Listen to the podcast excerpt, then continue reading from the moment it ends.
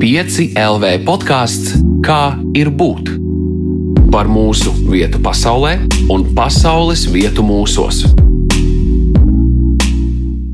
Čau! Prieks iepazīties!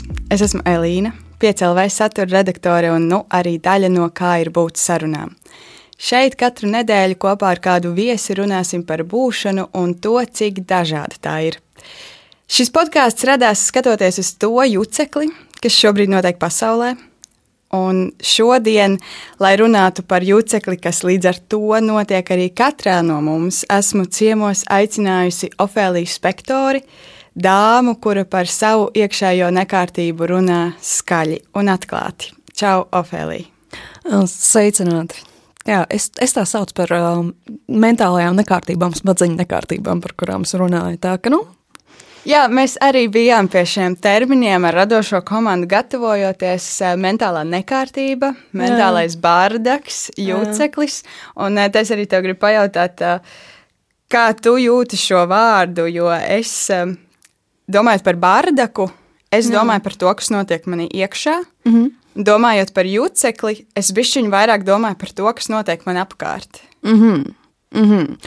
Um, es varu pateikt, ka tā, nu, vispārīgi runājot, būšu godīgs, izmantoju vienkārši mentālā veselība, jo tā, tas var būt arī ļoti veselīgi, ļoti kārtīgi, viss var būt lieliski. Um, bet, jā, nu, tajos brīžos, kad kaut kas ir nepareizs, burtiski pēdējā mēneša laikā esmu sākusi lietot uh, mentālā nekārtība. Um, kas uh, bardaks varētu būt nu, tas brīdis, kad ir tiešām slikti. Juceklis ir tas, kad nu, nu, es vienkārši nevaru saprast, kas vispār notiek, vai tur ir bardaks, vai, vai mēs vēl vien esam tajā pašā dimensijā. Um, bet jā, tas, tas, ka juceklis notiek apkārt, arī, arī tas varētu būt diezgan labs veids, kā to pasniegt.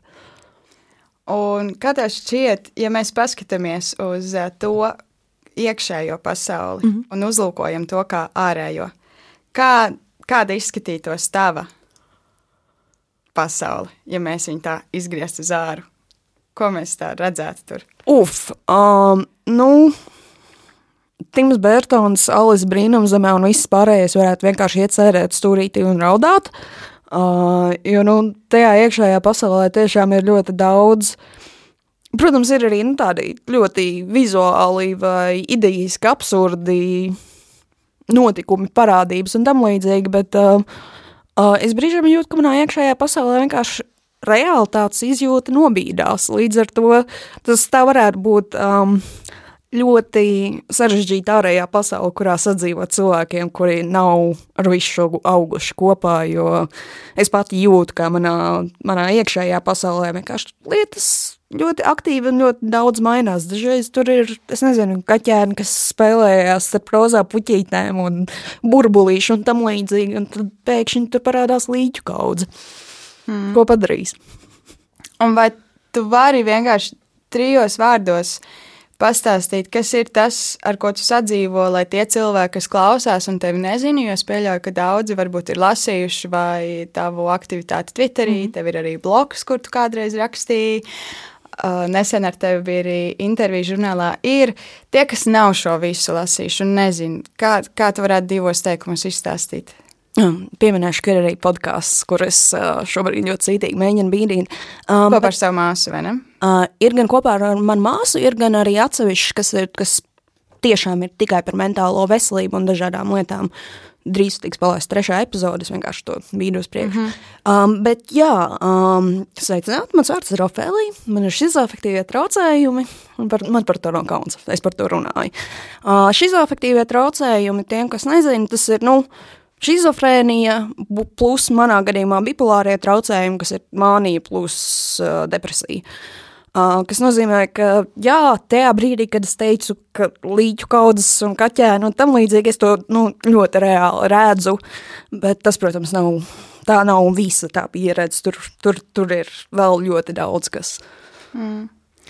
Man ir prieks par to, ka tu to, par to runā, mm -hmm. jo tev bija arī tāds eh, mazs tvīts, tāda sērija pavadiens, eh, kur tu dalījies ar to, cik svarīgi ir stāstīt par šīm pieredzēm, jo tas mums paļa, palīdz iepazīt pasauli, saprast pasauli, kas vispār notiek. Un, eh, es uzskatu tieši tāpat, un tāpēc es arī vēlos runāt par šīm pieredzēm, jo mēs varam it kā domāt, ka tas ir tāds kaut kāds mikroelements visā mm. pasaulē, bet patiesībā man liekas, ka katrā tajā mazajā lietā, katrā mazajā pieredzē mēs varam ieraudzīt arī kaut kādu nu, lielo pasaules spoguli.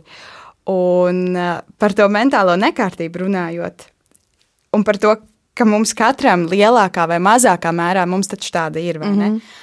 Un es pati domāju par tādu analoģiju, ka mūsu fizisko nekārtību mājās reizēm. Mums ir kāds nekārtīgāks stūrīts, vai tas ir drēbju krēsls mm -hmm. kādam, vai kaut kas cits. Pie mums nāk kāds ciemos, mēs esam pieraduši vienmēr atvainoties ciemiņam, piedod, man te, man te nekārtīgs, tā kā tu neņem, neņem vērā. Bet, uh, un jūtamies par to kaut kādā ziņā slikti, man liekas. Mm -hmm. Bet, ja mēs aizejam paši kaut kur ciemos un kādam tur ir nekārtība, mums taču liekas, eh, kur tas interesē, vai ne? Tas taču ir normāli, man taču ir tāpat, un mēs to pilnībā pieņemam. Un vai nav kaut kā līdzīga, tā nešķiet, arī ar to mūsu mentālo nekārtību, ka mums um, tā mūsējā liekas kaut kāda tāda slēpjama, un mēs viņu it kā no viņas baidāmies, bet uh, ja mums kāds cits kādreiz dalās tajā savā mentālās nekārtības stūrītī, mēs esam gatavi pieņemt, un jā, tā ir, bet pret sevi esam kaut kā bišķi kritiskāki. Uh, nu, teiksim tā, ar to, cik ļoti aktīvi es šobrīd dalos ar savu mentālo veselību un uzskatu, ka nu, to ir svarīgi darīt. Es varbūt vairāk neesmu labs cilvēks, ka, kas par šo varētu spriest. Bet jā, aptuveni tā arī ir, ka nu, es ar visu to, kas par cik aktīvi es par to visu runāju, man ir brīži, kuros es tā kā pieraujos un, oi, nē, nu, nu tā kā šito es mēģināšu paspērt zem guldas, šita, šitais tagad nav jārāda, un savukārt tajā brīdī, kad, nu, ja es pati to tajā brīdī varu izturēt, ja man blakus kāds sāk stāstīt par savām mentālajām nekārtībām, par savām pieredzēm, man ir tāds, jā, tas ir tik lieliski, ka tu to stāsti, man ir tāds prieks, esmu tik ļoti lepna par tevi. Un jā, nu, šeit, šeit ir um, tā nedaudz um, divkosība zināmā mērā, nemžēl pašam pret sevi. Jā, un man liekas, šī analoģija turpina strādāt arī tajā brīdī, kad uh, es reizēm varētu neuzaicināt ciemiņus pie sevis, tāpēc, ka man ir nekārtīgs kaut kas. Un uh, es domāju par to mentālo nekārtību, vai nav tā, ka es neaicinu cilvēkus arī tajā iekšā, tikai tāpēc, ka tur ir nekārtīgs, kaut gan īstenībā viņi nāk, tad viņi man varētu arī palīdzēt sakārtot. Uh, jā, pavisam noteikti tā ir lieta, ar ko es diezgan daudz nu, nu, šobrīd cīnos un strādāju. Es saprotu, ka Mani draugi ir gatavi un vēlas man palīdzēt. Man ir svešinieki, kuri ir gatavi nākt uz ielas klāt un tā kā, hei, tu šodien tu ito, ka nav, nu, nav, nav tā kā viss kārtībā. Es tev tagad apskaužu drīks un tā kā acīm redzami cilvēki tā kā, nu, redz, saprot, ka jā, ir tā sāp, ir šie sarežģījumi un, un viņi ir gatavi un vēlas palīdzēt. Um, bet um, šī visā ir vēl viena lieta, jo pienāk kaut kāds brīdis, kur neatkarīgi no tā, cik ok vai ne ok citiem būtu, nu, tā kā nonākt šī tavā nekārtībā, tu pats ar to jūsos nekomfortabli. Kas nozīmē, ka, nu jā, nu izvēle ir vai nu tagad fiksi mēģināt sakārtot, kam nevienmēr ir spēks, enerģija, laiks, uh, vai arī nu izvairīties no šīs tikšanās, un uh, tā ir viena lieta, kas man šeit ir jāiemācās, ka ir reizes, kad ir ok pateikt, zini, nē, nu, man ir pārāk liela mentāla nekārtība, lai, lai, lai, lai, es to, lai es ar to tagad varētu tikt galā. Nu, šoreiz nē. Um, es tevi mīlu, es tevi cienu, tu esi lielisks cilvēks, es zinu, ka tu man nenosodīs, bet es ar šo nevaru tikt galā. Ja tev būtu savai nekārtībai jāiedod vārds, jo man likās interesanti, žurnālā ir intervijā, uh, tur bija pieminēts tas, ka apzinoties nu, tos simptomus, tajā brīdī, kad tu saprati savu diagnozi, tev bija daudz vieglāk uh, saprast, kas ar tevi notiek, un mm. arī mhm. rīkoties ar to. Mm. Vai tad tas, tā diagnoze ir tas nekārtības vārds tev? Um, arvien vairāk. No sākuma man uh, šizofektīvie traucējumi šķita tāds ļoti svešs vārds, ko pie Landas vispār nozīmē. Um, bet arvien vairāk, jo, jo es sāku arvien vairāk runāt un, un, un, un izprast cilvēkus arī ar līdzīgām diagnozēm. Diemžēl ne Latvijā esmu atradusi tikai starptautiskas komunas, kurā par to visu runā. Uh, jo vairāk es izprotu, jo vairāk es sastopos cilvēkiem ar līdzīgiem stāstiem, es redzu, ka, nu, piemēram, šis lauciņš vispār nav par mani, bet šis lauciņš es pat nezināju, ka man ir tāda problēma. Es pat nesapratu, ka tur ir problēma, bet, uh, oh, wow. Un uh, līdz ar to, jā, nu, es negribētu identificēties ar savu diagnozi. Es negribētu teikt, nu, kā, es esmu šizoafektīva, bet man ir šizoafektīvie traucējumi. Jā, tas ir, man liekas, svarīgi saprast, kur ir, kurā stūrītī ir tas bardaks, lai tu varētu sākt īsti kaut ko arī sakārtot Jā. to vidi. Un runājot par vidi un turpinot varbūt to mājas analoģiju, un viss tas, kas notiek pasaulē, šogad, visus citus gadus, kā tas juceklis, jo to man tiešām gribas saukt mm -hmm. par jucekli, kā tas uh, ietekmē tevi, tavu to iekšējo māju, tas, kas notiek viņai apkārt? Um, patiesībā ļoti, ļoti spēcīgi. Um, es šobrīd ļoti aktīvi izvairos no ASV politikas. Un no turienes tur notiekošā, kas uh, patiesībā ir diezgan liels uzdevums, mēģināt kā, patērēt mēdījus un ziņas un uh, visu laiku netikt bombardētam ar to, kas notiek Amerikā. Um, bet es no tā izvairos tīri tā, tāpēc, ka es sapratu, ka uh, man ir grūti nošķirt to no savas realitātes, jo nu, tas tomēr tik tieši neietekmē to, kas notiek ar mani. Tas ir viens, otrs, es šausmīgi pārdzīvoju, šausmīgi uztraucos, es dusmojos, man, man ir ļoti spēcīgas emocijas par lietām, kas notiek nu, pārpus pasaulē un kas mani it kā nekad tieši neietekmēs. Tāpat tās arī tas, kas šobrīd notiek Baltkrievijā, man šķiet, ka pēdējo pāris nedēļu laikā es ir divi biežākie iemesli, kāpēc esmu raudājis. Es vienkārši pēkšņi jūtos slikti, tāpēc, ka es jūtos slikti, un tam pilnīgi nekāda izskaidrojuma nav, vai arī Baltkrievija. Un es arī nesen sevi neplānoti, nejauši nu, izdedzināju, mēģinot palīdzēt organizēt uh, protestus Baltkrievijai, un es vienkārši sev liku un liku un liku iekšā, un man tas bija tik ļoti, ļoti svarīgi, ka es sāku aizmirst kaut kādas savas iekšējās robežas, sāku aizmirst, ka, nu, nu, bet, nu es varu tikai tik daudz, cik es varu. Un uh, tas ir diezgan izteikti, ka tad, kad pasaulē apkārt kādam sāp, um, man ir šī degošā vēlme un nepieciešamība palīdzēt kaut kādā veidā, un tad tas fakts, ka, nu, pa lielam es neko īsti nevaru izdarīt, um, manu jucekli padara vēl lielāku, un, un, un, un tā kā to, to manu iekšējā nekārtību padara vēl šausmīgāku, jo tad visam pa vidu es vēl jūtos bezspēcīga, un es jūtos bezspēcīga pret pārējo pasauli, tad es pēkšņi sāku justies bezspēcīga pret to visu, kas notiek manī iekšā, un, uh, Tas ir diezgan šausmīgi. Būtu labi, ja es varētu, es nezinu, dzīvot kaut kādā savā burbulītī, kur apkārtējā pasaule nenotiek, um, bet um, es to arī nelaikam nevēlētos. Jā, bet viens ir tie notikumi, kas notiek, nu, jā, Baltkrievija, ASV, uh, visur citur pasaulē. Mm. Un tas ir svarīgi, un mm. uh, man arī ļoti sāp. Es, uh, es tiešām esmu līdzīga šajā ziņā tev, jo es arī ļoti, ļoti pārdzīvoju. Un, jā, mana empātija vienkārši plīst uz pusēm tajā brīdī, kad es lasu, kas notiek tepat aiz robežas vai arī otrā mm. pasaules malā. Bet otrs ir apkārtējā vide, kurā mēs reāli dzīvojam. Mm. Tās ir sabiedrības sistēmas, tas, tā ir struktūra, kurā mēs eksistējam. Mēs ejam uz skolu vai uz darbu, mēs, eh, mums ir pieņemts kaut kādas lietas darīt tā vai šitādi, mm. mums ir apkārt eh, laikapstākļi debesīs, tumsa un gaisma. Mm. Mums eh, tas viss ir un tas mūs taču arī ietekmē. Jā, absolūti. Un, tas, tas, tas ir viens no iemesliem, kāpēc pēdējās dienās tik ļoti daudz esmu vērsusies pie kā, starptautiskajām šizoafektīvo traucējumu komunām. Uh, Uh, jo esmu sākus aptvert, ka es, man, man ir bail par savu lomu Latvijas sabiedrībā, par to, ko par to, kā Latvijā vispār būt vērtīgai, ņemot vērā, ka man ir diezgan daudz ierobežojumu, man ir samazinātas darbspējas, man ir grūtības uzturēt fiziski kārtību, man ir grūtības ar produktivitāti un vēl citām lietām. Un uh, šis bija tas brīdis, kad es sāku ļoti aktīvi runāt ar cilvēkiem no nu, kā, visām pasaules malām un jautāt, bet, nu, kā jūs tiekat galā ar to, ka nu, jums ir šo ierobežojumi un, un, un kā jūs redzat sabiedrību un, un tam līdzīgi.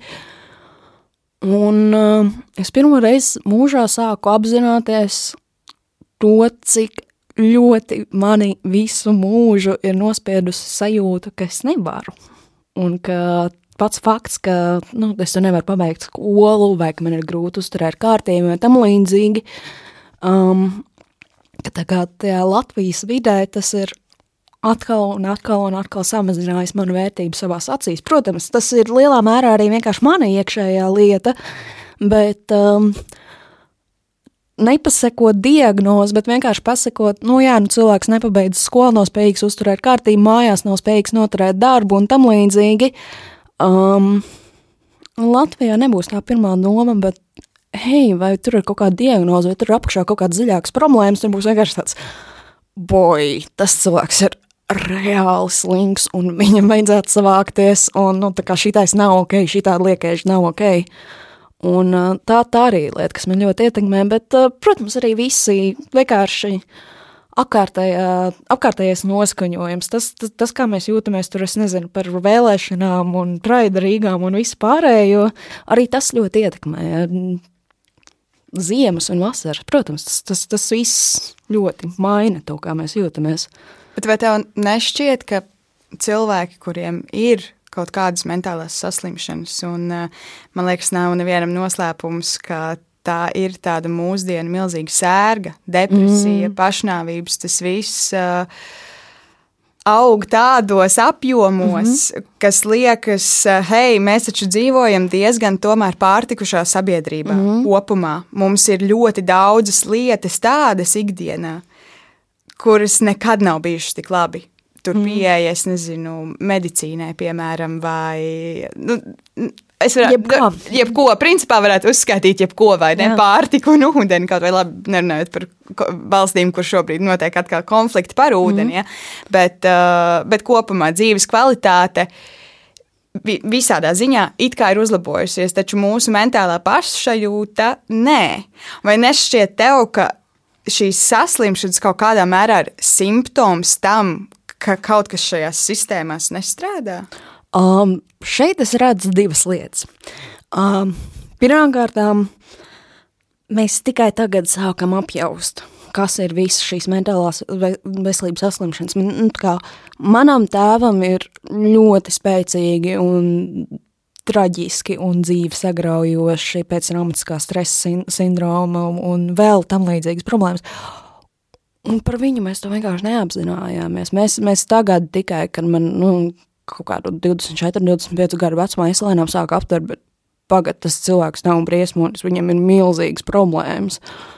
Un um, vēl jau vairāk, nu, viduslaikos cilvēki, kas runāja mēlēs vai izsauca dēmonus vai, vai pēkšņi tika samainīti ar gariem.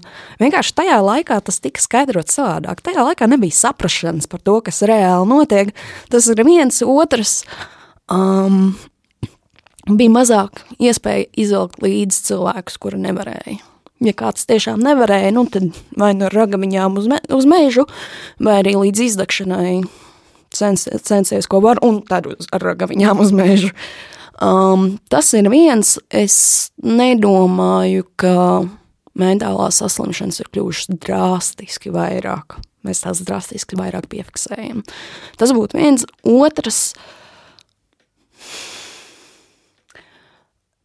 Jā, es esmu diezgan pārliecināta, ka tas, kā mēs šobrīd dzīvojam, nav tas, kam mūs sagatavo evolūcija.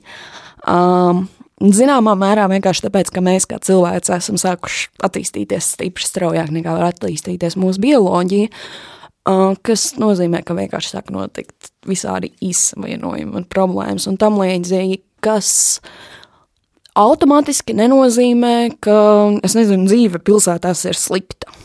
Mēs visi slikti ēdam. Tas to nenozīmē vienkārši, nu, evolūcija, bioloģiskā un evolūcija sabiedrības ir notikusi ļoti dažādos virzienos un ļoti dažādos ātrumos. kas nozīmē, ka jāsāk parādīties problēmas, kas nav fizisks. Un, un, un tur, jo lielākā daļa no mentālajām problēmām, tā pati trauksme, atdalīšanās no realitātes, panikas liekams, pēc stresa sindroms, depresija, ļoti daudz kas no tā iespējams, es nezinu droši, bet iespējams ir absolūti nepieciešami un svarīgi. Mm, iespējams, es nezinu, ka tā tiešām ir, bet tas ir ļoti nepieciešams un svarīgas uh, sastāvdaļas mūsu izdzīvošanai. Tā kā tā pati trauksme vienkārši tā kā, ev, nu, kaut kas rītīgi nav kārtībā, šito ir jādara lietas. Pēctraumatiskā stresa sindroms ir daļēji uh, smadzeņu mēģinājumi tikt galā ar šo lietu, kas ir notikusi, kas ir lielāka nekā viņi spēja sa saprast. Otrām kārtām brīdinājums nekad nenonāca šī situācija atkal. Un līdz ar to, nu, jā, ar mentālās veselības problēmām dzīvot ir diezgan sasodīts šausmīgi, jums man tas nav jāstāsta, bet um, pastāv iespējami, ka mentālās veselības problēmām ir ļoti svarīga joma mūsu izdzīvošanā. Tas nozīmē, ka ja mēs skatītos tagad. Uh... Atceries jautājumu. Viņš par to populējās. Paldies! Cik labi, ka kāds klausās un pierakst. Un teiks jautājuši. Tas nozīmē, ka ja mēs uh, paskatāmies uz to kā uz simptomu, mm -hmm. tad tas mums var būt palīdzošs, jo mēs varam saprast gan savu vietu pasaulē, ne, un gan kaut ko mēs varam uzlabot varbūt tajā apkārtējā vidē, kas mums ir. Ja mēs paskatāmies uz depresiju kā uz simptomu, piemēram, tam, kā rit mūsu dzīve, ka tur kaut kas nav ok. Jā, jā nu, protams, problēma attiecīgi ir tāda, ka depresija var kļūt tik smaga, ka tu vairāk īsti neko ar to nevari izdarīt. Um, bet um, kā, viena no teorijām ir tāda, ka depresijas mērķis ir tev pateikt, ka jā, tas, kas šobrīd notiek, nav ok, tev ir jāpieņem pauze, tev ir jāatkāpjas, tas ir zināms pretmehānisms izdegšanai potenciāli. Um, un um, tas varētu būt signāls, ka, nu, jā, kaut kas reāli nav kārtībā, tev ir jārisina lietas, biku lēnām, biku mierīgāk, tagad neskrien. Uh, problēma ir tajā, ka, ja sākotnēji tas tā arī strādā ar laiku, ar laiku depresija un visas pārējās mentālās saslimšanas var um, fundamentāli izmantēt, izman, izmainīt uh, bioķīmiju kas nozīmē, ja sākotnēji tas ir bijis vērtīgi, vai arī vienkārši kaut kā nedaudz novirza, tad ar laiku tas var kļūt ar vien smagāk un smagāk un smagāk, kas ir iemesls, kāpēc es esmu absolūti par terapiju un zālēm un tam līdzīgi, par spīti tam, ka es uzskatu, ka lielākajai daļai no mentālās veselības saslimšanām ir svarīga loma cilvēku uzbūvē. Pozitīvi dažreiz pat. Un Ja tu rakstīji, teici, atcaucos atkal uz interviju žurnālā, ir, ka tev literatūra ir bijis veids, kā tu daudz esi atslēgusies no šīs realitātes, ieejot kādā fantāzijas pasaulē un ieraugot, kāda būtu sabiedrība, kāda, kāda būtu cilvēki, ja funkcionētu lietas pilnīgi mm -hmm. citādi, ja notiktu kaut kas, kaut kas citādi. Un Kā tev liekas, kādai vajadzētu būt pasaulē, lai um, mēs būtu vienkārši priecīgāki? Kāda būtu tā tava alternatīvā realitāte, kādu tu viņu radītu? Ui! Uh, šis ir liels uji jautājums. Es, pat, es patiesībā par to esmu ļoti, ļoti, ļoti daudz domājusi. Uh, Un smieklīgā kārtā lielākā daļa revolūciju un visa pārējā tas ir stāsts vienkārši par to, kā radīt labāku pasauli. Um, es nejūtos gan inteliģenti, izglītot un tam līdzīgi, lai es varētu izveidot kaut ko pilnīgi jaunu. Tajā pašā laikā es redzu, ka ļoti daudz kas no tā, kas jau ir darīts, nestrādā. Um, lietas, ko es pavisam noteikti izmainītu, būtu mm, dzimumu vienlīdzība, respektīvi nedaudz nojaukt to, ko mēs sagaidām no cilvēka tikai, tikai tāpēc, ka viņš ir vien, vienā vai otrā dzimumā. Uh, tā būtu viena lieta. Um, brīvība mīlēt to, ko tu mīli. Um, brīvība darīt to, ko tu gribi darīt, neatkarīgi no tā. brīvība darīt to, ko tu gribi darīt, neuztraucoties par to, vai tu rakstot zēju, varēsi sevi pabarot un izveidot ģimeni un dzīvot dzīvoklī, kurā nu, ir ok dzīvot. Um, tās būtu tās lielākās lietas, ka nu, iedot kaut kādu bāzi, lai cilvēkam nav jācīnās vienkārši pret nu, elementāriem dzīves, dzīves apstākļiem par to, ka man pasē ir ierakstīts tas, par to, kas iemīlējos šī cilvēkā un par to, ka reāli es māku un spēju un varu darīt šo lietu, bet ar šo lietu es nevaru nodrošināt sev iztiku. Tas būtu tas trīs lielās lietas, ko es visu laiku redzu. Um, Protams, pa vidu ir arī vēl visādas un tādas ļoti utopiskas lietas, piemēram, kas notiktu, ja mēs vispār izdzēstu ideju par īpašumu. Un šeit es nerunāju vienkārši par komunismu, jo mēs jau redzējām, tas nestrādāja, un, nu, nu tā kā lūdzu, nē, bet, nu, kā būtu, ja tas, ko mēs uztveram par savu īpašumu un tikai mans un neviens cits nedrīkst, un tam līdzīgi, ja tā šīs idejas izmainītos. Es neesmu droši, vai tas nāk par labu, bet uh, tas varētu izmainīt ļoti daudz uztraukumus un, un, un to, kā mēs redzam pasauli. Es par nesen lasīju grāmatu, man bail tagad, ka neatcerēšos autori. Nosaukums bija Memory Police, tā mhm. bija Japāņu autore, un tā ideja tur bija tāda, ka cilvēkiem režīms, absolūti distopiskā nākotne, par to, ka tiek izdzēsti kolektīvi, tiek mm. izdzēsti atmiņas par kaut, par kaut kādām lietām. Kopā ar šīm lietām, bet tās var būt ļoti dīvainas lietas, sākot no, piemēram, rozēm, kas ir, kāpēc lai kāds gan aizmirst ideju par rozēm, ko tas maina mūsu dzīvēs, es nezinu, bet arī par, es nezinu, apskāvienu cilvēki, piemēram, aizmirst uh, apskāvienu un vispār, kas tas ir. Šis ir tas brīdis, kad Rafaela vienkārši šausmās sakņups istabas stūrī un, un nevēlas vienkārši turpināt šo domu. Jā, nu tas, tas tāds vienkārši interesanti, nu, aiz, kā būtu, jā, ja mēs aizmirstu par kaut kādām lietām, kas eksistē šajā pasaulē, kas saka ideju par īpašumu. Tad, kad mm. tu aizmirsti to ideju kā tādu, jo ir daudzas lietas jau, kuras, liekas, mēs vienkārši atceramies, kā tās ir bijušas, un mēs varam dzīvot uh, diezgan daudz īstenībā arī pagātnē, mm -hmm. domājot par kaut ko, bet uh, tad ir jautājums par nākotni, ne, kas, kas, uh, kas būs uz priekšu, un par to, kā tev liekas, jo man šobrīd esot 2020. gada 9. mēnesī, šodien ir um, dažkārt tāda sajūta, ka viss vienkārši brūk kopā, ka paliek tikai sliktāk. Tas, kas notiek, um, jā, ASV, ko tu minēji, mm. Baltkrievija tepat. Um, Eti Etiopijas, Eģiptes uh, ūdens konflikts, kas šobrīd ir aktuāls, uh, viss, viss pandēmijas, viss, viss, viss. Kā tu jūties tev liekas, ka paliks labāk, tu spēj turēt to pasaules jucekli kaut kādā pozitīvā virzībā? Um, patiesībā nē. Un tā ir lieta, kas man pēdējos mēnešos ir vaiprātīgi grāvusi, jo arī man, uh, mana privātā dzīve ir kļuvusi ar vien sarežģītāka un sarežģītāka un sarežģītāka, un ir palikušas nu, ļoti mazas saliņas, kas stāv stabili.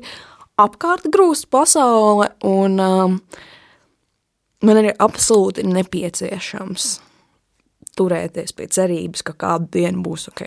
Jo nu, man nu, jau, jau parastajai bezcerībai pa virsmu nāk šī sajūta, ka es īsti nevarēšu iekļauties Latvijas sabiedrībā, vienkārši bioķīmiskais imbalans, kas man liek izmist daudz vairāk nekā tam vispār būtu iemesli un, un, un, un šīs lietas. Līdz ar to man ir vaiprātīgi sarežģīti turēties pie cerības, ka lietas paliks labāk, bet šī cerība reāli ir vienīgais veids, kā es varu tikt uz priekšu, jebkādā veidā. Līdz ar to es ļoti, ļoti, ļoti cenšos, un es brutāli strādāju pie tā, ka, ok, tagad mēs brīdiņu pasēdēsim un atradīsim lietas, par ko cerēt.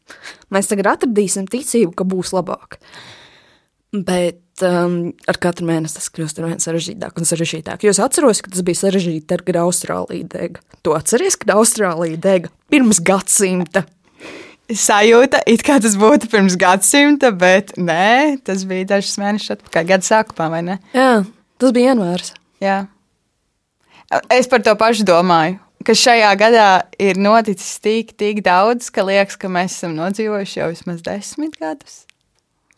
Jā, jā absolūti. Un, um, tā ir lieta, par ko es domāju, vai tā ir nu, tāda mūsu paudzes lieta, ka ha, mēs neesam redzējuši tik daudz, bet tajā pašā laikā es runāju ar savu vectēvu un, un, un, un, un tam līdzīgi. Tas, tas, tas šis gads tiešām ir īpašs ne tikai mūsu paudzei, tiem, kam ir tagad 23, un šis gads ir jau vēsturiski īpašs. Internetā klejo visi tie joki par to, ka um, es nezinu, 20 gadus vēlāk. Jā, esmu zinātnieks, es specializējos 2020. gadā kurā daļā? jā, uh, jā. Trausmas pilnīgi, pilnīgi dīv, dīvaini sajūta īstenībā par to runāt. Tiešām tas ir tāds īpašs laiks, bet um, man pilnīgi izkrita no galvas trausmas. Mēs to izgriezīsim ārā. Sorry. ah, man bija tāds jautājums. Tūlīt viņš nāks atpakaļ. Mēs runājām par visu to, par visu to. Ah, atceros, ok. Ļoti labi. 2020. gads, kā pilns ar kaut ko, un tu, tu saki, ka tas nav tikai mums, tas ir visiem. Un vispār jau tas, cik ātri maināmies mēs ar informāciju mūsdienās, mūs arī spēja daudz vairāk um, ietekmēt, jo mēs vienkārši vairāk zinām. Kādreiz uh, mēs nevarējām, piemēram, runāt par to pašu Baltkrieviju.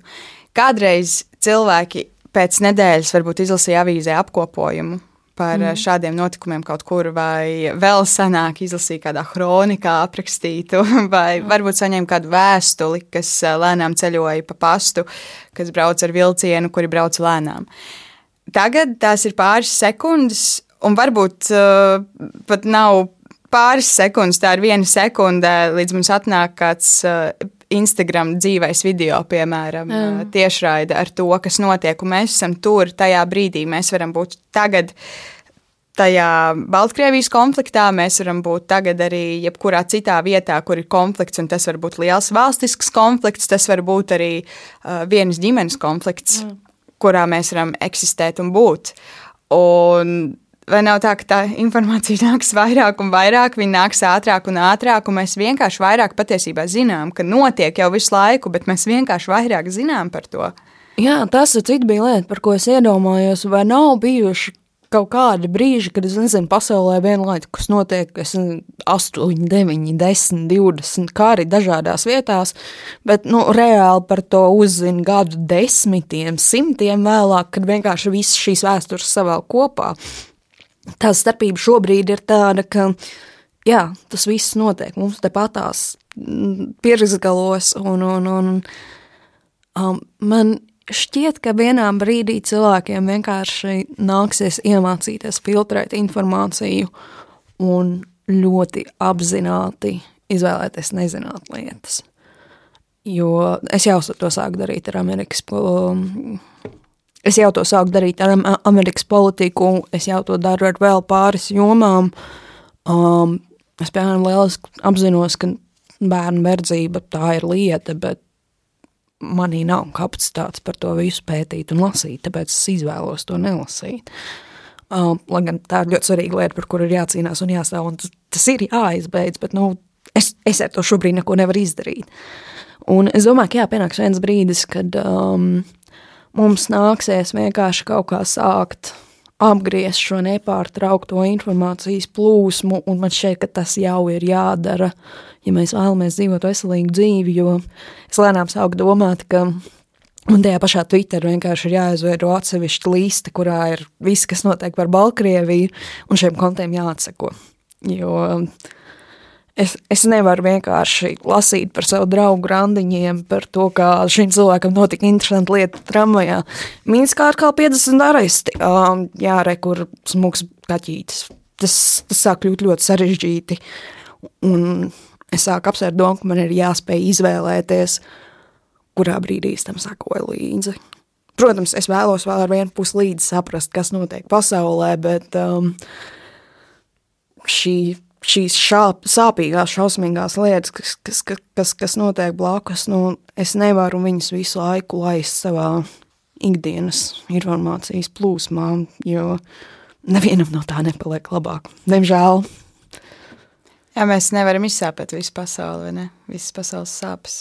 Un pat ja mēs varētu izsāpēt tās visas pasaules sāpes, tas īsti neko nepalīdzētu. Jā.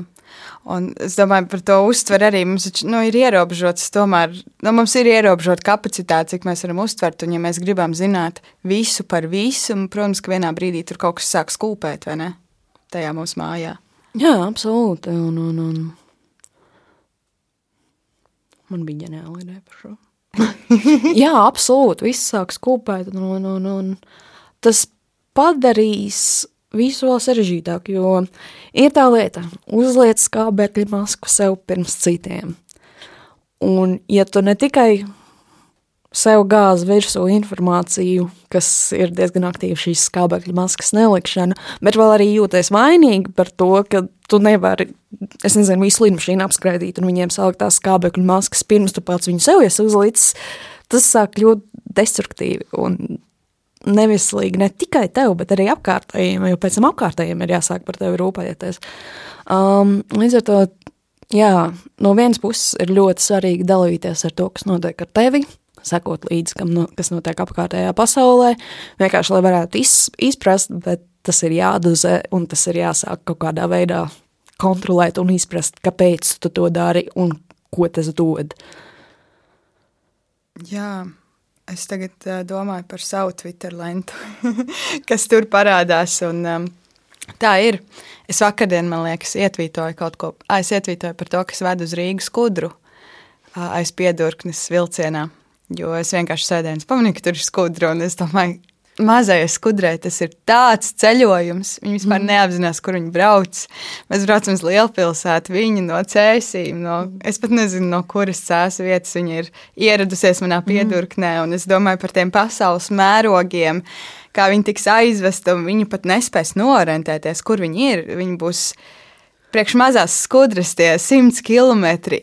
Ir tā kā ceļot uz citu planētu. Mm kur viņa ir pret savu gribu droši vien aizvesta. Un es viņu tur vedu. Un man, piemēram, domājot par to, ka es esmu maza skudra reizēm tajā lielajā pasaulē, man tas palīdz, man liekas, tā veselīgā ziņā. Nevis saprast, ka es esmu maza, nevarīga skudra, bet um, tas palīdz kaut kā saprast to, ka es esmu daļa no tā mehānisma, bet arī nebūt, nekļūt pārāk egoistiskai. Nedomāt, ka manas problēmas, ka manas mentālās nekārtības mm. ir pasaules centrs. Man ļoti palīdz uh, iešana dabā. Jo tajā brīdī es ieraugu, ka neskatoties manām mentālajām nekārtībām, vējš turpina pūst, saule turpina spīdēt, koki ir lieli, viņi te aug jau 130 gadus. Un nevis, ka es viņus samazinu tādā ziņā, ka, ai, ai, tas nekas svarīgs nav, saņemies, ja tas nav no mhm. tās sērijas, vienkārši Elīna saņemies, tas nav svarīgi. Bet vienkārši saprast, ka tā ir tā stabilitāte. Mm -hmm. Tā ir stabilitāte, kas notiek visām tām jūkām, kas ir apkārt. Tas vējš turpina pūst, tā upe turpina plūst. Man ir mentālās nekārtības, liekas, apkārt viss pasaule jokuma brūk, bet ir ir kaut kāda stabilitāte. Tev ir kaut kāda stabilitāte apkārt, kur tu dabū to saliņu, saprast, ka neskatoties to, kā bruks, šis ir mm. un būs. Um, es zinu, ka cilvēki vienmēr saka, ka, tev, nu, ka tā ir daba un tam līdzīgi, bet smieklīgā kārtā priekš manis tas ir aiziet uz kādu no maniem mīļākajiem bāriem vienai pašai. Jo tas ir tas brīdis, kad es saprotu, ka ir kaut kāds šis neatkarīgais ritms no manis, notiek visas šīs dzīves, visas šīs draudzības, visas šīs lietas neatkarīgi no manis.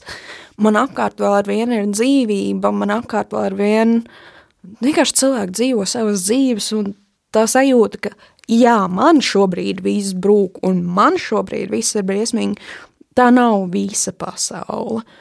Un um, man arī ir tā, ka man vienai pašai mentālās nekārtības un mentālās problēmas vienmēr ir daudz lielākas nekā esot cilvēkos, tā skaitā pat svešos cilvēkos. Uh, līdz ar to man pastaigas dabā varbūt pat neveselīgs, jo es aizēju iekšā pārāk dziļi savā galvā, tad savukārt sežot parkā vai daudz biežāk kafejnīcās, bāros vienai pašai. Man tas vienkārši atgādina, ka jā, apkārt ir visi šie cilvēki, kur dzīves notiek, un jā, pa vidu ir arī sliktas lietas, bet es varu sadarīt, ka tā meitenes maida ar iemeslu, un tas ir labs iemesls, un man ir tāds prieks par viņu. Jā, man liekas, tas ir līdzīgi. Kat, Jā. katram vienkārši savs, jo patiesībā tad, kad um, atnāca mūsu lielā pandēmija, Jā. un es um, aizbraucu prom no Rīgas, mm -hmm. dzīvoju. Es to saucu par savu mežu, bet uh, tas, protams, nav gluži meža vidū. Bet es ļoti daudz pavadīju laiku viena, ļoti daudz. Es daudz gāju dabā, es meklēju to savu mieru vai tam līdzīgi, bet pēc tam trim mēnešiem, kad es atbraucu atpakaļ uz Rīgu, tas pirmais vakars, man liekas, es vienkārši sprāgu no tām emocijām, saprast, ka pasaule ir, pasaule kustās, te ir cilvēki, te ir stāsti, te ir dzīves, un man tas arī ir diezgan īstenībā nomierinoši reizēm apsēsties parkā un paskatīties, ka es šim cilvēkam tajā viņa dzīvē esmu fons, viņa filmai. Ja? Mm -hmm. Fona aktieris vienkārši uz divām sekundēm viņš man paiet garām, bet tur iet vesela dzīve. Jā. Jā, jā. Man šķiet, ka tas ir iemesls, uh, kāpēc, kāpēc man tiešām tik ļoti patīk iet uz bāriem. Es saprotu, nelietoju alkoholu. Vienkārši sēžu bāros un dzeru sulu, dzērveņu sulu. Um, un tā ir vienkārši lieta, ko es daru. Es sēžu bāros. Uh, ar laiku, protams, man ir kaut kādi savi mīļākie bāri, kuros sāk parādīties paziņas, draugi un tam līdzīgi. Uh, Bet jā, vienkārši tā sajūta, ka dzīve turpinās. Tas, tas kas notiek manī, tas nav viss, tas, tas, tas nav beigas. Jā, tas ir interesanti. Daudz, man liekas, kādreiz filozofē par to, kas tad īsti ir pasaule, vai vispār ir pasaule ārpus mums, vai tā visa pasaule nav tikai mūsu galvās un tam līdzīgi, bet laikam ir nomierinoši domāt, ka eksistē pasaule ārpus paša. Jā, jo Um, man bija kaut kāds posms, kad bija nu, tā kā, oh, viss ir matriks un tam līdzīgi. Un um, man bija kaut kāds posms, kur um, es domāju, ka jā, vai, vai, vai tiešām um, bija kaut kāds posms, kurā es ļoti aktīvi domāju par lietu permanenci un par to, vai tiešām ārpus tā, ko es jūtu, redzu, uztveru, vai kaut kas tiešām eksistē. Un tad uh, šī doma izbeidzās ar to, ka es sapratu, ka es ļoti, ļoti vēlos, lai tā būtu, jo nu, tā pasaule, kura, tā pasaule, kurā viss tiešām griežās ap mani, ir maza, skumīga, varētu daudz vairāk, un tas, ko es piedzīvoju no apkārtējiem, vienkārši pārāk, daudz, pārāk skaists un lielisks, lai es gribētu ticēt tam, ka ārpus manis nekā nav. Jā, ārpus mums ir diezgan daudz kas, vai ne? Uh, man, man prieks ir par to, ka es jau minēju, ka tu runā par to, kas ir, kas ir tevī. Jo man liekas, ka tieši tās pieredzes mums palīdz saprast, ka ārpus mums arī ir daudz kas cits. Mm. Ārpus manis ir ļoti daudz kas cits, tāpat kā ārpus mm. tevis. Un uh, man vienmēr ļoti paticis klausīties cilvēku stāstos, jo tas palīdz jā, kaut kā parādīt to perspektīvu. Man ir prieks arī par to, ka aizvien vairāk mēs runājam man vismaz ir tāda sajūta. Es nezinu, vai tas ir tāpēc, ka es pati pieaugot sajūtu to drosmi runāt par to, kā es tiešām jūtos. Spraust robežas bieži vien, bet reizēm tieši otrādi vērt vaļā. Um, kā tu raugies uz šo kultūru, ka mēs runājam par to, kas notiek mūsu galvās, kā mēs jūtamies, vai tā uzlabojas, vai tu jūti kaut kādus uh, pozitīvus, uh, pozitīvu virzību? Um, jā, absolūti. Ne, nu, protams, zināmā mērā tā arī ir visa mana pieaugšana. Bet es atceros, ka tad, kad mums pusauģa gados bija blogi, tā bija nu, tiešām tāda ha, pusauģa raksta blogus, kurus tas uztrauc mazie emo bērni. Uh, vai vēl jaunāk dīvainie gīki, kas nu, kā, uh, ko pie vēlna. Mm, bet uh, tagad, protams, tas viss nāk arī ar zināmu briedumu un spēju pasniegt to, kas ar mani notiek. Bet es redzu arvien vairāk un vairāk um, tajā pašā YouTube un podkāstos un tam līdzīgi cilvēki, kuri vienkārši dalās ar savu dzīvi un zināšanām par savu dzīvi, kas um, brīžiem, jā, tas palīdz vienkārši abstrakti saprast, ka, ah, nu tur ārā ir pasaule, kas ir ļoti atšķirīga no manējās, bet um, Iemesls, kāpēc es vispār tvītoju to, to, to lietu, ka ir svarīgi runāt par, par savām pieredzēm, bija fakts, ka es no cilvēka, kuram, kuras dzīves pieredzes ir nu, pilnīgi atšķirīgas un, un, un kur, um, ar kuru es līdz šim vispār nebūtu bijusi spējīga vilkt paralēles, uh, viņš sāka skaidrot par savām problēmām un savām bailēm, un beidzot spēju paskaidrot, kas notiek ar mani. Jo tas bija cilvēks ar uh, fizisku invaliditāti, kuram, kur, kuram bija ļoti daudz dažādas lietas, kas viņam neļauja funkcionēt sabiedrībā. Un man šīs lietas ir pilnīgi atšķirīgas. Tā vienkārši paskatoties, man nebūtu ienācis prātā. Bet ar to, kā šis cilvēks runāja par to visu, es pēkšņi sāku saprast, ka mani vispār šis uztrauc tā diezgan pamatīgi, un otrām kārtām atrast kaut kādus veselīgus veidus, kā ar to tikt galā, nevis vienkārši, ā, es mazā nabadzīgs, nekad nevarēšu iekļauties, viss ir slikti, viss ir slikti, bet, um, nu jā, kaut vai tās pašas idejas par to, ka, nu, sabiedrība ir sabiedrība tieši tāpēc, ka mēs parūpējamies par tiem, kuri tajā brīdī par sevi nevar parūpēties. Un uh, ļoti daudzas vērtīgas idejas nāk vienkārši no tā, ka cilvēks ar pilnīgi atšķirīgu dzīves pieredzi pēkšņi pasaka kaut ko, kas ar tevi rezonē. Man liekas, ka savā ziņā par šo arī ir šis podkāsts, kā ir būt. jā, jā. Un, es ceru, ka tā tas būs, bet tev liekas, ka ar to runāšanu pietiek? Nē, absolūti nē.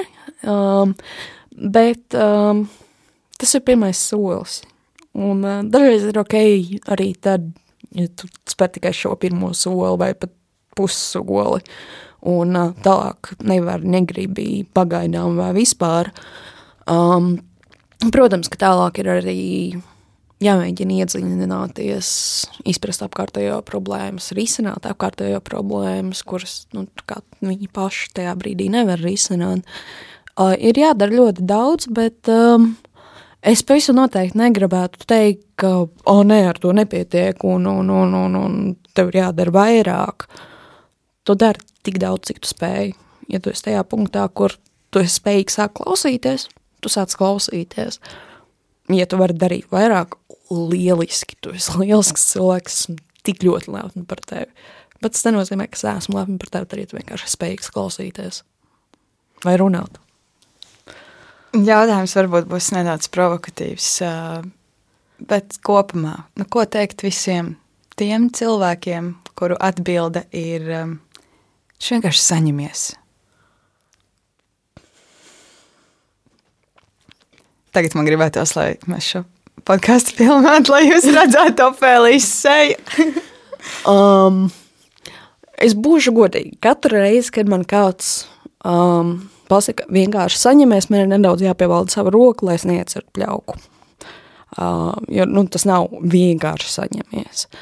Um, Pirmkārt, man pašai brīžiem ir bijis grūti apjaust, kur ir tās robežas, kur ir tās lietas, kur Es vienkārši neizdaru lietas, tāpēc, ka man negribās izdarīt lietas, un kas ir tās lietas, kuras, nu, tajā brīdī reāli fiziski neesmu spējīgi izdarīt, tīpaši ņemot vērā, ka no dienas no, uz dienu šīs lietas mainās. Um, bet um, tas saņemies ir nedaudz kā cilvēkam ar salauztu kāju pateikt, nu tu reāli vari noskriet to maratonu, un kas ir tava problēma? Nu, tas, tas, tas ir pilnīgi absurdi. Jo uh, tikai tāpēc, ka nevar redzēt, kas īsti notiek manā galvā, tikai tāpēc, ka nevar redzēt visas tās neiespējamās lietas un nevar redzēt, kas ir tas, kas man traucē tagad, es nezinu, nevis čips paku novest uz, uz grīdas savā guļam istabā, bet aiziet līdz, līdz miskastei un viņu izmest tur. Tas nenozīmē, ka tur nav šo milzīgo problēmu. Tas nenozīmē, ka es varētu vienkārši lietas izdarīt savādāk. Kā man ir. Un tajā pašā laikā man ir milzīgs prieks par cilvēkiem, kas reāli nespēja saprast. Nu tā fundamentāli nespēja iedomāties, ko tas nozīmē, ka tu reāli nevari man sāp tas, ka šeit pietrūkst empātijas un izpratnes par to, ka tas, ka tu vari, nenozīmē, ka citi ne, var, un tam līdzīgi. Bet tajā pašā laikā, nu, tā ir lieta, ko es arī sev esmu mācījusi, priecāties par cilvēkiem, kuri nesaprot. Jo, ja nesaprot tādā līmenī, tas cilvēks nevar to saskāries, viņam nav bijis ar to jācīnās, un um, tam līdzīgi, jo, protams, tur var arī būt kaut kāds, jā, bet es vienmēr. Tur var arī būt kaut kāds, jā, bet es sev vienmēr piespiežu, kāpēc tu sev vienmēr nepiespieži. Un tur, tur var būt arī ļoti destruktīvas lietas apakšā. Bet man vienmēr patīk cerēt, ka tur ir cilvēks, kurš no reāli to vispār nav piedzīvojis. Un man, man ir reāli prieks, un man nedaudz skauž. Man sāp tas, kā tas tiek darīts, man sāp tā brīžiem nevajadzīgā agresija, kas pret, pret mani tiek vērsta. Bet um, ja reāli nevar iedomāties, tas ir skaisti.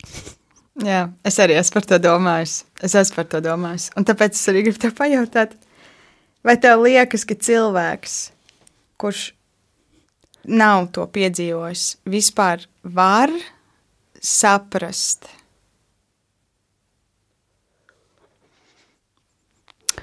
Šeit ir sarežģīta lieta. Um, empātija arī ir spēja, kas, nu, kas mums ne visiem ir vienāda. Un, zināmā mērā tā ir trenējama, bet ir cilvēki, kuriem ir ierobežota empātija. Līdz ar to būs cilvēki, kuri nespēs saprast. Un uh, tieši tāpat tās, kā es nespēju savākties, šie cilvēki vienkārši nespēs saprast. Tas to nepadara mazāk sāpīgi, tas nepadara to mazāk pretīgi, bet būs cilvēki, kur vienkārši fiziski nevar. Uh, Bet es domāju, ka lielākajai daļai cilvēku, izglītojot, stāstot, ļaujot saprast, ka nu, jā, nu, tā ir zināma veida invaliditāte. Tu to neredzi. Tas nav saskatāmi. Bet es domāju, ka ar laiku var ļaut to saprast. Var radīt vidi, kurā varbūt pat, ja nesaprotu, tad pieņem. Um, jo pa lielam ar manu slimību ir lietas, par kurām es pat īsti negribu, lai apkārtējie to saprot. Un tā kā jums tas nav nepieciešams. Es gribu varēt par to runāt ar cilvēkiem, kas izdzīvo līdzīgas lietas.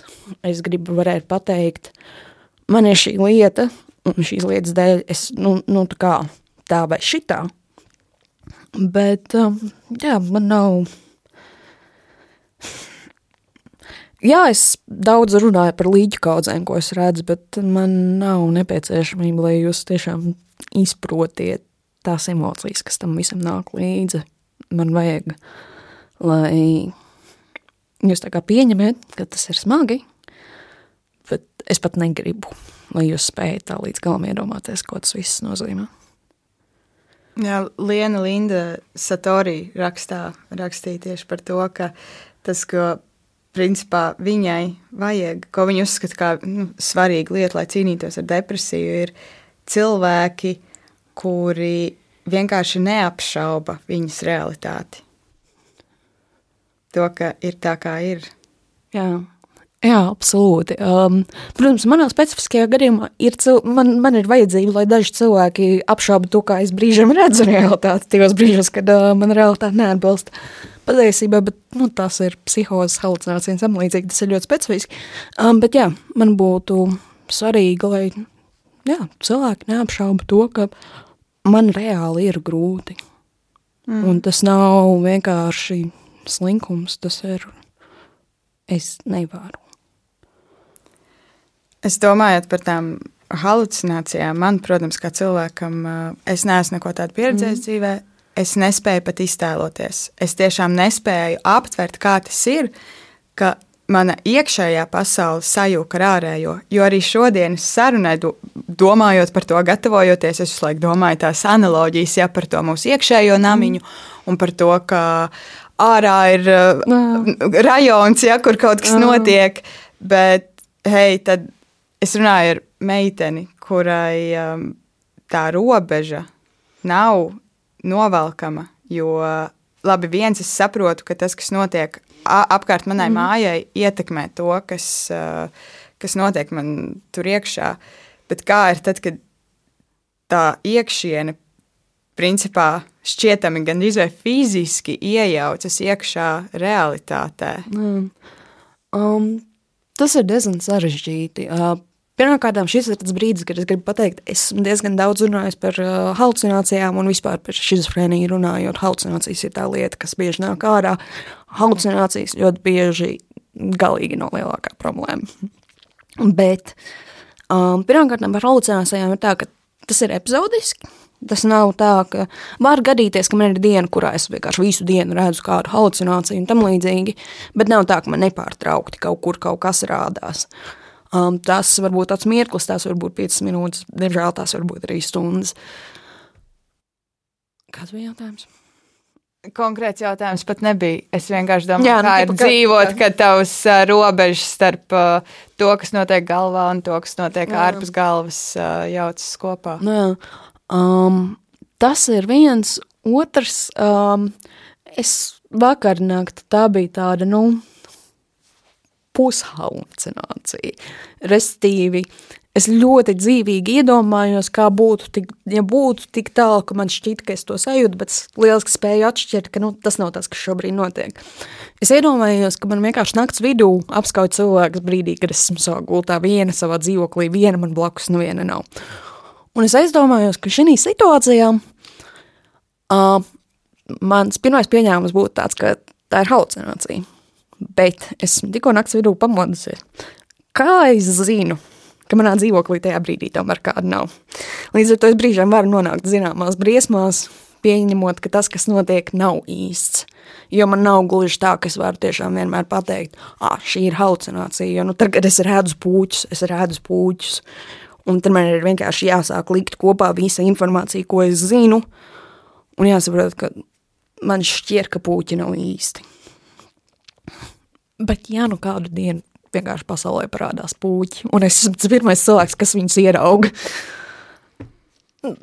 citplanētieši. Tas būtu tik briesmīgi, ja es būtu pirmais cilvēks, kas sastapa citplanētiešus. Un tu domā, ka tā ir halucinācija. Vai ne? Tu nevarētu par to nevienam pateikt. Vai ne? Tā ir lieta, par ko es nezinu daudz domājis. Um, bet um, pa lielam, jā, nu, nu jā, man visa šī iekšējā pasaule – aktīvi ietekmē man ārējo pasauli, gan tajā, kā es vispār varu ar savu ārējo pasauli sadarboties un tam līdzīgi, gan tajā, ka, jā, nu, nu šīs realitātes mēdz jukt un tam līdzīgi. Un tas ir sarežģīti, bet um, Es savā konkrētajā gadījumā, ne visi cilvēki ar schizofrēniju, ne visi cilvēki, kur redz halucināciju, tam līdzīgi. Es savā konkrētajā gadījumā ar to esmu puslīdz emocijas esam nu, sadzīvot. Man ir ļoti, ļoti paveicies ar to, ka man vajag elpot. Take your time. man ir ļoti, ļoti paveicies ar to, ka manī paliek kaut kāda spēja vērtēt realitāti. Jo lielākajai daļai cilvēku, tad, kad viņi redz halucinācijas, tā ir absolūta patiesība un pat nesāk ieslēgties doma, bet vai tā tiešām ir? Tur vajag kādu no malas, kurš pasaka, bet, nu, nav pūķu, mišķilu. Um, man par laimi ir kaut kādu iemeslu dēļ izdevies kaut kā sašķelties, ka daļa no manis tic un daļa no manis pārbauda. Uh, kas, diemžēl, arī ļoti ikdienišķās un reālās situācijās sāk spēlēt, es nezinu, es ieraugu sen neredzētu cilvēku, kur man ir ļoti grib, ilgi gribējies redzēt, un mans prāts sašķeļās. Daļa prāta tic, ka jā, šī ir tiešām lieta, kas notiek, un daļai prāta ir tāds, bet kāda iespēja? Un tā ir realitāte, tā nav halucinācijas. Es to tajā brīdī tiešām piedzīvoju, bet vienkārši kaut kāda daļa no man, ne mana prāta aiziet uz to, bet, bet vai tiešām? Un tā ir, tā ir diezgan nepatīkama sajūta. Es, jā, jā skaidri, es nespēju iedomāties, vai ne, bet uh, es varu tikai censties saprast, cik grūti tas ir. Jo jā, tu jau beigu beigās arī īstenību var noturēt par kaut ko, kas nav īsts. Jā, jo nu, ir kaut kādas vizuālās vai audiālās lietas, kurām ir nedaudz atšķirīga kvalitāte. Vienkārši nedaudz citas skaņas kvalitāte, skan kaut kā nedaudz savādāk, nav tik organiski, vai vizuāli ir gadījies, ka es redzu kaut ko pikseņainu, vai, vai tā kā vecā televizorā raustās un tam līdzīgi. Tajā brīdī ir, tas ir lietas, kas palīdz pateikt, nu šitais nav. Bet uh, pārsvarā jau ir tā, ka, nu, nu jā, nu, ok, jā, tas ir puķis, bet nu, tas ir nu, tā kā organiski dabā iekļāvies puķis.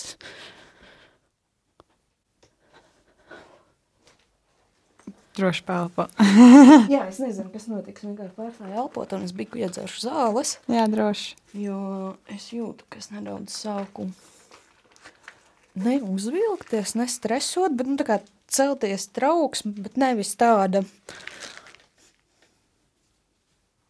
Un kā lai pasaka, tas nav tāds, viss ir slikti un ā, bet vienkārši es jūtu, ka es arvien vairāk un vairāk uztraucos. Un es nezinu, tā ir tā kā normāli mani šobrīd intervē trauksme, vai tā ir trauksme, trauksme, ar kur ir jācīnās. Mm. Nu, varētu droši vien būt gan, gan, vai ne? Arī šāda situācija droši vien var radīt, uh, liekas, uztraukumu.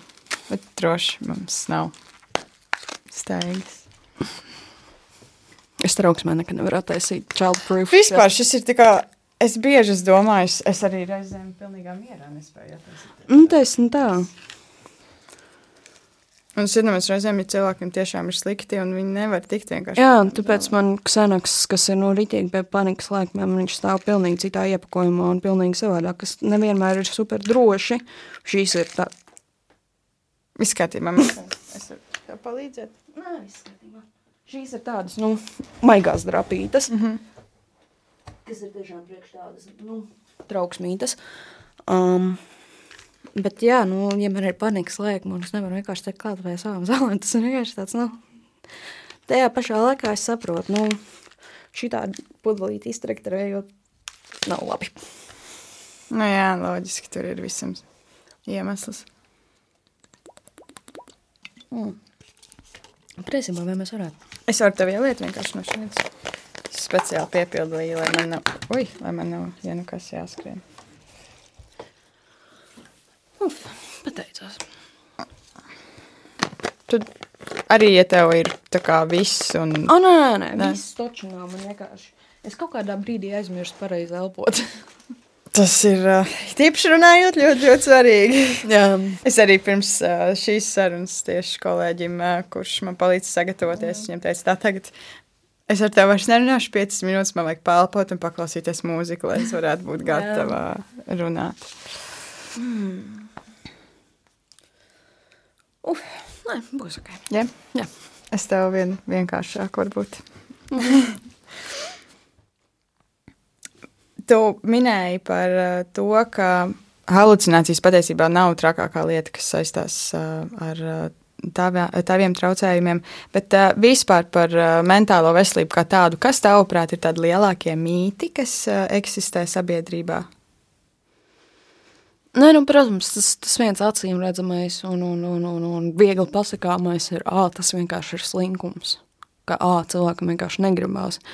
Mm, pārsvarā, jā, potenciāli to varētu nosaukt arī par negribēšanu, bet tā negribēšana ir jau tādā līmenī, ka to vienkārši nevar. Uh, tas ir viens, otrs ir uh, lietas var labot tikai un vienīgi ar zālēm, jo ir ļoti daudz lietas, kuras var atrasināt ar terapiju vai terapiju un zālēm. Ir daudz situācijas, kur zāles vienas pašas pat īsti nevar palīdzēt. Un par tām pašām zālēm par antidepresantiem ir šis mīts, ka ka, jā, nu, ja tu dzers antidepresantus, tad nu, tu vari būt tikai zombijs, bez seksuālās dzīves, bez, nu, tā kā tu pilnībā izmainīsies kā cilvēks, bet, um, nē, antidepresants un zāles var piemeklēt, un tu vari būt pēc būtības tas pats cilvēks tikai bez traucējošajiem simptomiem, bez pēkšņiem izmisumiem un trauksmēm un, es nezinu, kompulsīvas vajadzības skaitīt lietas. Mm. Jā, man liekas, gribu arī izcelt tieši to, ka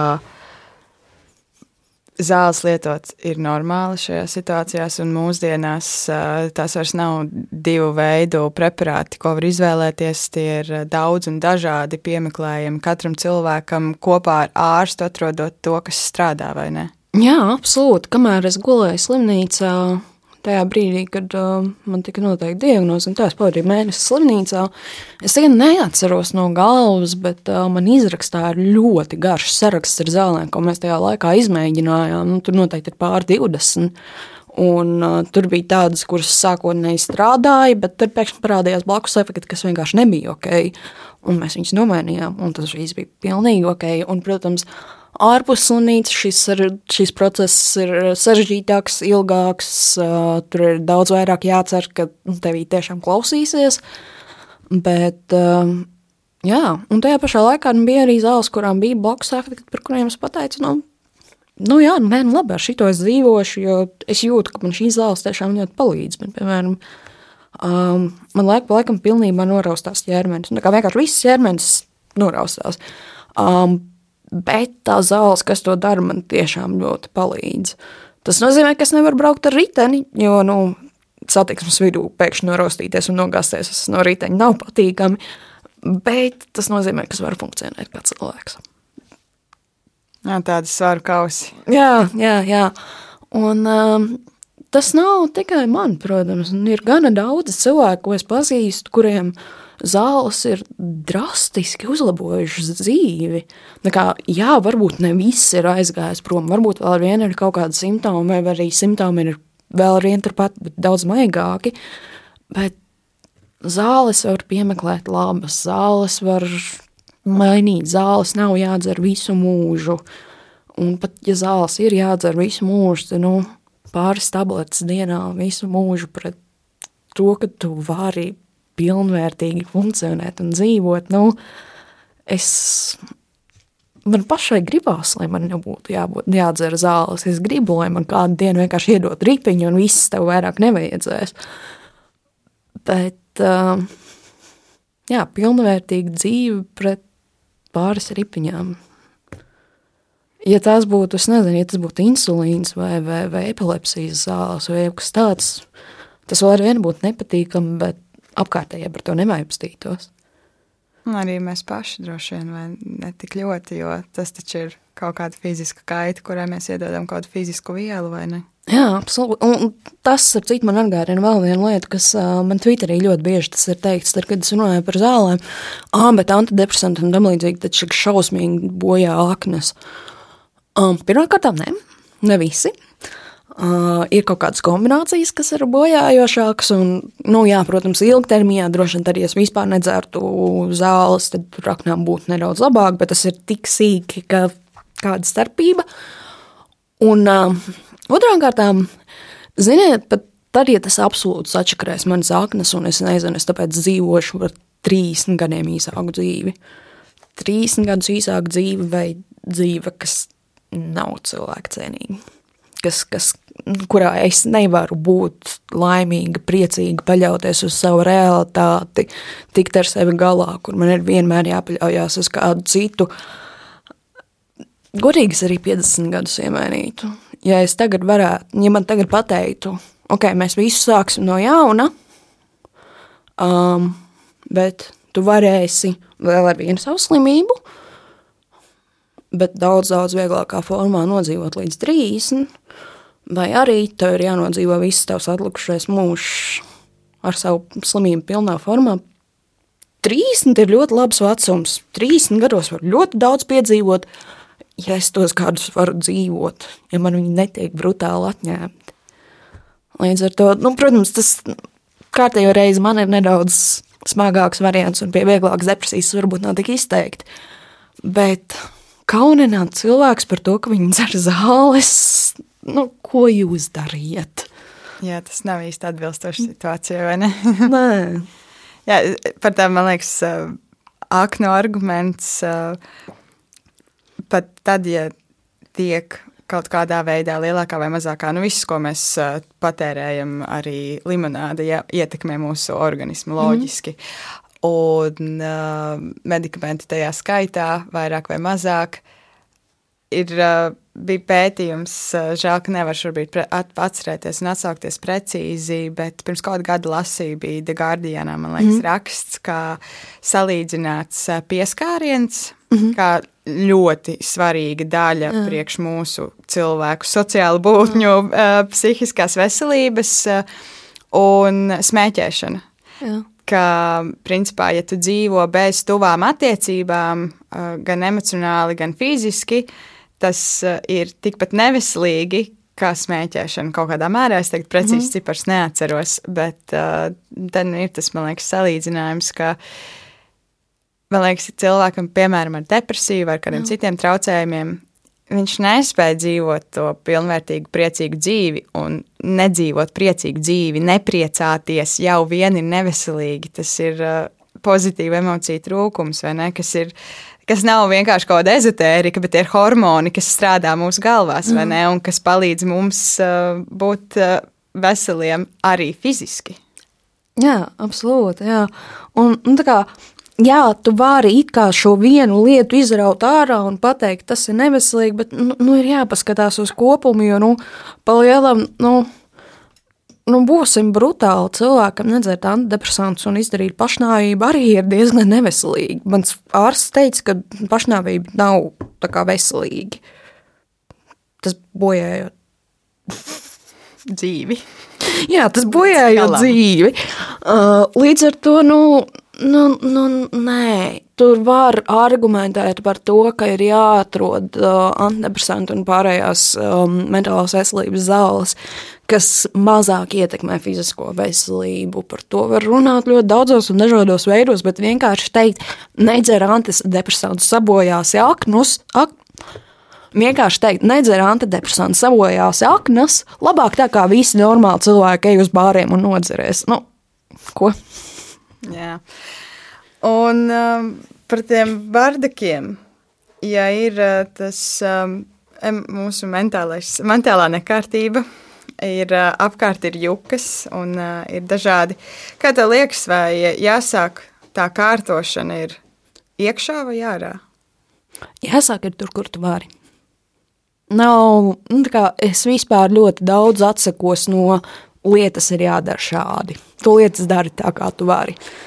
Um, So, ja ir iespēja sākt no iekšpuses, tas droši vien būs palīdzīgi, bet nu, tajā pašā laikā, um, ja tu tajā brīdī dzīvo vardarbīgā, bļaujošā ģimenē, iesprostots vienā telpā ar nezinu, 18 citiem cilvēkiem, tev nav nekādas nākotnes iespējas, nekā tam līdzīga, sākt strādāt ar uh, tur, depresija vai trauksme vai tam līdzīgi. Jā, tas var nedaudz uzlabot dzīves apstākļus, bet pa lielam visticamākais labāk paliks tajā brīdī, kad tu būsi izkļūst no šīs situācijas.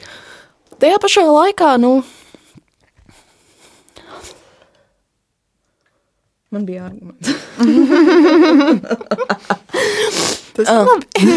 jā, bet, uh, jā, resīgi, tas, ko es gribu pateikt, ir, ir kaut kādas situācijas, kurās secība ir diezgan skaidra ja tu tiksi galā ar šo, tad tu varēsi tikt galā ar nākamo lietu, un tad tas viss kaut kā puslīdz sakārtosies. Un uh, man šķiet, ka arī nu, jebkuram cilvēkam būtu jāmēģina palīdzēt pasaulē, tai lielajai pasaulē, nevis vienkārši dzīvē, kurā tu dzīvo, bet tai lielajai pasaulē kopumā. Un, nu, tad, ja mēs visi kaut kā nedaudz palīdzam, nu, tad tur varētu palikt labāk un tam līdzīgi. Bet vienkārši ir jāsāk ar to, ko tu vari. Ja tas, ko tu šobrīd vari, ir iet uz terapiju, super, ej uz terapiju. Ja tas, ko tagad vari, ir nezinu, pārkrāsot savu dzīvokli un sakārtot visu un um, atrast jaunu darbu, bet tu nevari šobrīd aiziet uz terapiju pilnīgi kādu iemeslu dēļ. Sāc ar to, ko tu vari.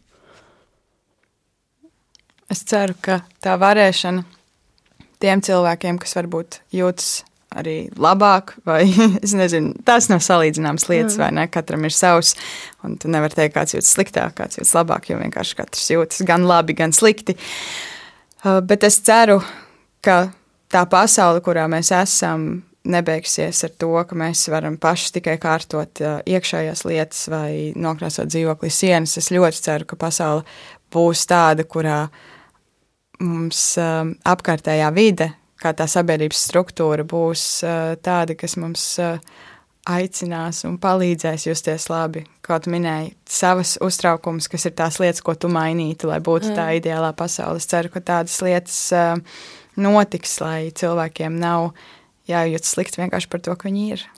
Jā, absolūti. Un, un, um, vienkārši šeit ir tā dīvainā lieta, ka ir grūti pateikt, kurā brīdī sākas parūpēšanās par savu dzīvi un kurā brīdī beidzas parūpēšanās par pasauli. Jo kaut kā tā pati dzīvokļa pārkrāsošana, um, tas nedaudz iepriecinās draugus tev apkārt, kas tev atnāks ciemos, tas liks tev justies labāk. Um, ja tu to dari ar meistariem, tas meistariem dos darbu. Restīvi, ir, nu, nu nevar tā stingri pateikt, nē, tu šito izdari tikai un vienīgi sev, un tas no tā nevienam nekāds labums nebūs. Un tā kā tā palīdzēšana pasaulē var tiešām notikt pa maziem sīkumiem, Es pat gribu teikt, un es esmu ļoti pārliecināta, un man liekas, tas arī atbilst tam, ko tu teici iepriekš, ka palīdzēšana sev ir palīdzēšana pasaulē. Tu esi daļa no pasaules, un uh, arī tad, ja tu jūties labi, tu vari doties un palīdzēt tālāk. Jā, um, tā ir lieta, ko es ļoti daudz reizes redzēju kaut kur no Tumblr, ka um, Es zinu, ka no lielākā daļa no jums vēlas kādu izglābt, bet ir ok, ja jūs izglābjat tieši vienu cilvēku, un ir ok, ja tas cilvēks esat jūs paši. Jo tas nozīmē, ka hei, pasaulē ir mazāk cilvēku, ko vajag glābt. Jā, es tiešām ceru, ka tā, tā tas būs. Un tas arī nozīmē, ka pasaulē ir par vienu cilvēku vairāk, kurš kuram ir enerģija, spēja un tam līdzīgi darīt vairāk laba. Jo viņam nav visu laiku jāuztraucas par, par to, kas notiek ar viņu. Gan drīz jau noslēdzot, domājot par nākotni un šodienu, kādu padomu nākotnes tu gribētu teikt šodienas tu? Nezaudēt cerību. Tā ir tā viena lieta, ko jebkura punkta es, es gribu teikt, jebkura punkta sev. Nezaudē cerību, būs labāk. Varbūt ne tā, kā tu iedomājies, varbūt ne tā, kā tu esi izsapņojis, varbūt pat ne tā, kā tev vajag šobrīd, bet būs labāk. Cerība ir padoties nedrīkst. Un tu teici to, ka dzīve esot pārāk skaista, lai padodot, padotos. Ko tas nozīmē?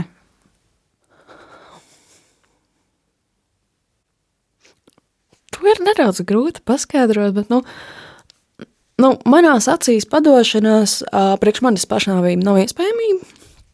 Līdz ar to, protams, ir visas šīs domas, bet pašnāvība vienkārši nav, nav lieta, ko es varu izdarīt. Padošanās vienkārši būtu pārtraukšana cīnīties. Tā būtu, jā, man viss ir slikti, es nevaru vairāk neko padarīt labāku, es palikšu tur, kur es esmu. Manā gadījumā visticamāk, tas nozīmē spirāli uz leju, kurā es jūtos ar vien sliktāk un sliktāk un sliktāk un sliktāk un zaudēju draugus, ģimeni, iespējas, visas tās skaistās lietas, kas man ir. Un savukārt, ja es turpinu cīnīties, turpinu iet un darīt, turpinu redzēt, tas man vienkārši dod tik daudzas iespējas redzēt vēl labās, skaistās lietas. Un kā, um, Es varu šodien pateikt, nē, viss, es, es, nu, es nevaru. Man vairāk nav iespēju. Un es nezinu, vai iet atpakaļ pie mammas dzīvot un dzīvot viņai uz kakla, vai ierakstīties slimnīcā, vai nu, kaut ko tam līdzīgu. Vai arī es varu iet un cīnīties un atklāt, ka kaut kur nākotnē man būs vēl skaistāks dzīvoklis nekā man ir šobrīd, un ka kaut kur nākotnē man būs, es nezinu, ģimene, un maniem draugiem būs ģimene, un mēs kopā brauksim un redzēsim lietas, un notiks visas šīs lietas. Es tīri priekš manis padoties ir apstāties un ļaut krist. Un Man šķiet, ka ir pārāk daudz ko redzēt un piedzīvot, lai es būtu ar mieru to darīt. Man liekas, arī ir nedaudz utopiski domāt, ka ir tāda vieta, kur nav vispār jācīnās. Kaut kādas cīņas taču ir vienmēr, vai ne? Jā, nē, absolūti. Vienkārši. Man liekas, ir skaisti pieņemt to, ka dzīvē ir tie abi, ka ir gan tā cīņa, gan tas labais. Un vienkārši domājot par nākotni, domājot arī par šodienu, vairāk saprast, ka jā, tā cīņa ir, un viņa būs lielāka vai mazāka, par kaut ko mēs vienmēr cīnīsimies. Mm -hmm. Bet uh, re, kur ir tās labās lietas, kuras arī vienmēr būs vairāk vai mazāk, mm -hmm. bet viņas vienmēr tur ir, vai ne? Jā, jā.